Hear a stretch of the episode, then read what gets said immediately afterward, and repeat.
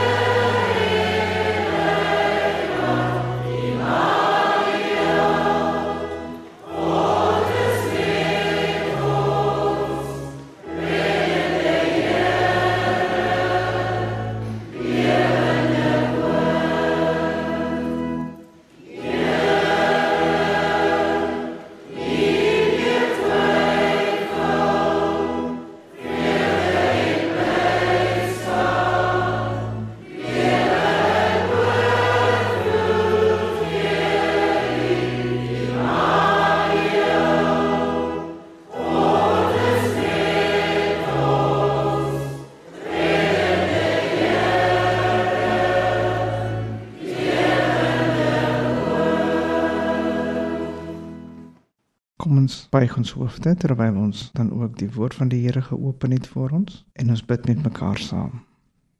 Dit is 'n dankbaarheid dat ons die voorreg het om u woord op te kan maak en te kan lees o Here. Help ons om met opregtheid hierteenoor te reflekteer sodat u woord verstaanbaar, hoorbaar en uitvoerbaar kan word met die verkondiging daarvan in elkeen van ons se lewens. Amen.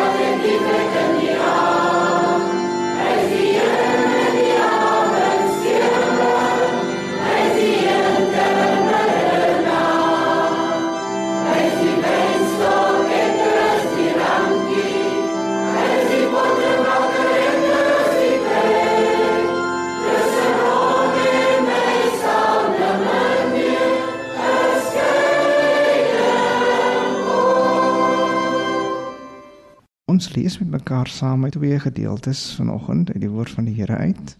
En dit is Psalm 23 vers 1 en dan lees ons ook later Johannes 9 vers 1 en 3. Ek wil graag hê iemand in gedagte hou die tema die bloedreis van God ter wille van sondaars soos ek en jy. Kom ons lees die Ou Testamentiese gedeelte eers saam. Die Here is my herder ek kom niks kort nie. En dan ons Nuwe Testamentiese gedeelte is Johannes 9 vers 1 en 3. Terwyl Jesus wegstap, sien hy 'n man wat van sy geboorte af blind was. En Jesus antwoord: Dit is nie deur sy eie sonde nie en ook nie deur sy ouers sinne nie, maar hy is blind sodat die werke wat God doen in hom gesien sal kan word.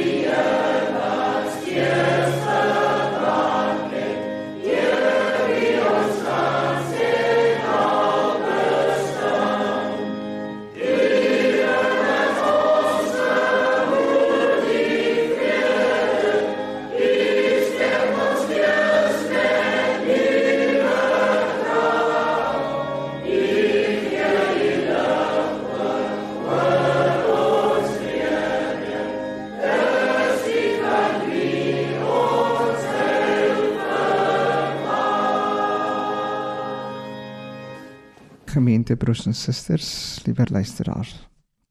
Hierdie groot lydingsweek kondig 'n baie belangrike fase vir die kerk en vir elke kerkmens aan. Een teoloog verwys na hierdie week as die week waarin mense fisies, emosioneel, psigies kan reflekteer, ja selfs nadink, selfs besluit waar hulle veranderinge aan hulle normale lewensgang van die dag wil bring.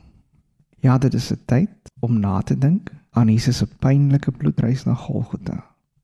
Net die nadink oor die tema beweeg in die grein van ons elke dag se besige lewensprogram. Maak ons magteloos soos wat dit Jesus magteloos gemaak het op sy bloedreis na Golgotha. Verder, liewe broers en susters, beklemtoon hierdie teoloog dat lydingstyd ons dwing om stil te raak, te luister weer notisie begin neem van God se handelinge in die kruistog van Jesus Christus, die seun van God. Sommige van ons luisteraars en ons lidmate vanoggend kan dalk op hierdie stadium vra waarom hierdie teks aan die begin van die groot lydingsweek. Die teks is aan so wel bekend, so gelief onder almal van ons.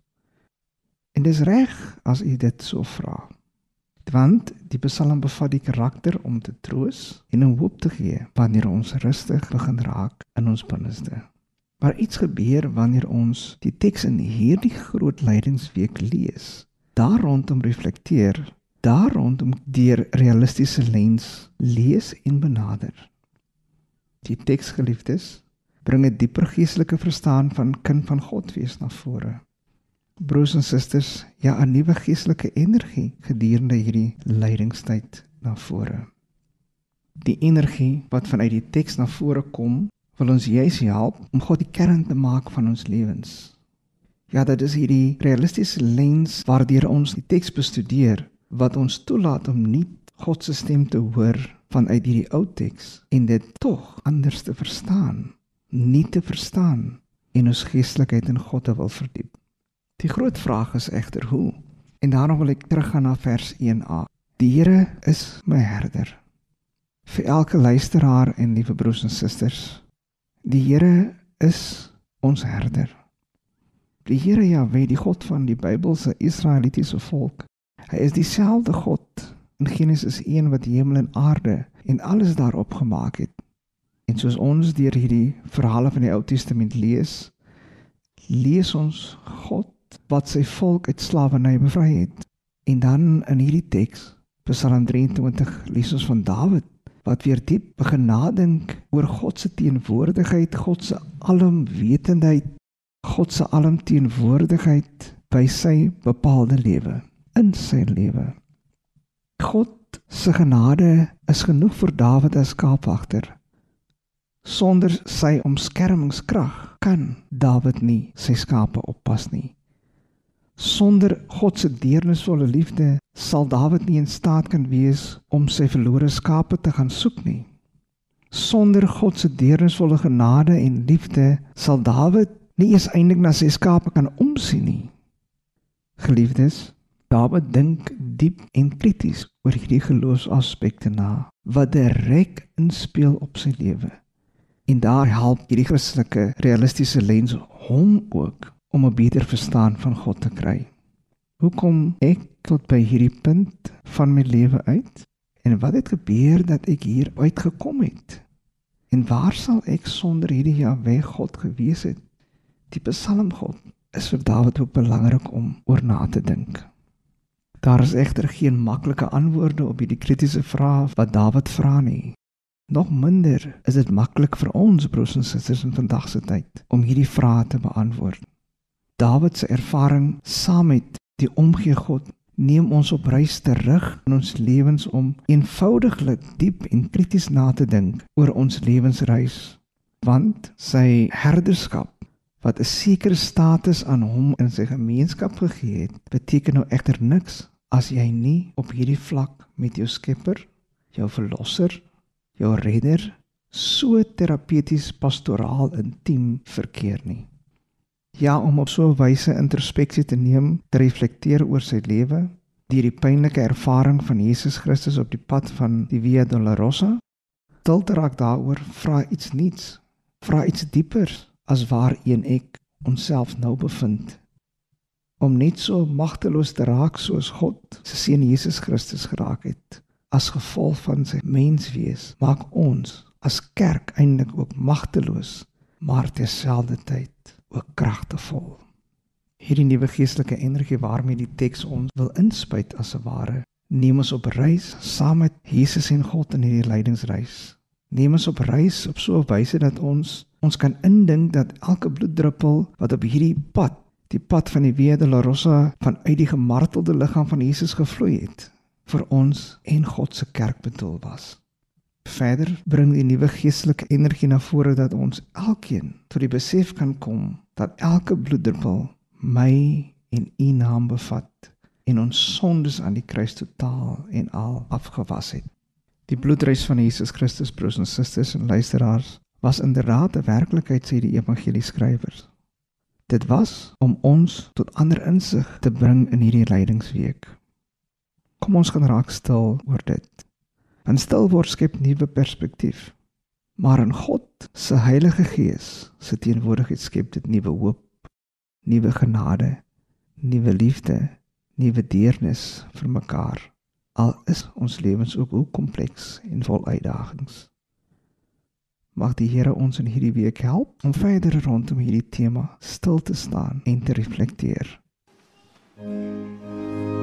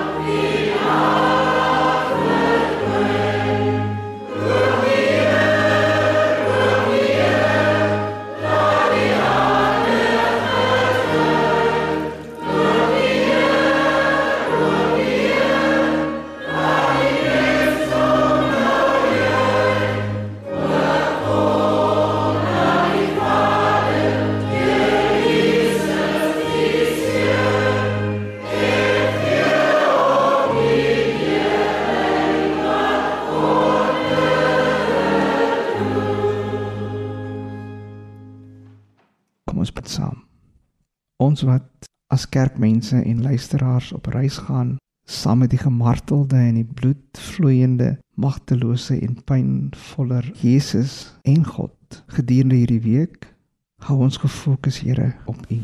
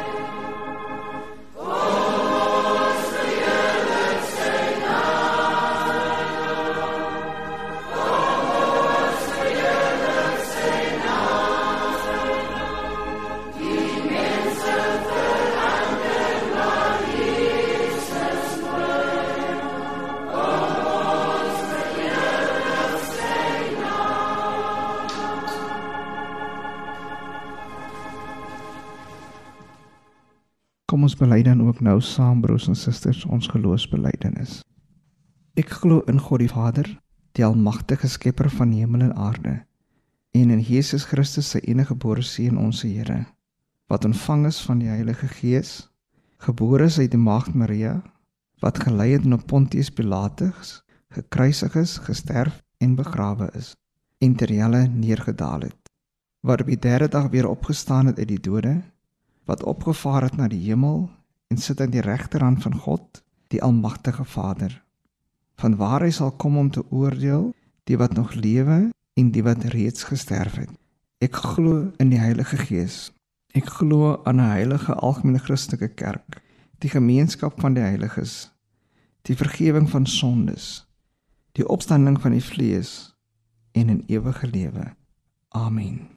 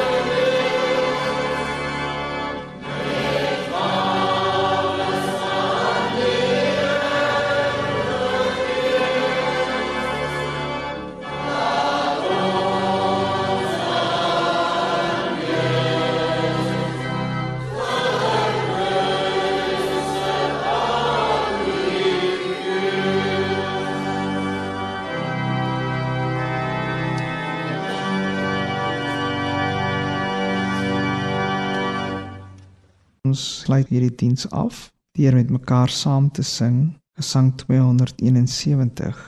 Ek hou aan u as luisteraars en gemeente die eerste vers voor my hart, myself, my lewe wy ek aan u o Heer. Ek buig myself heelhartig voor u as offer neer.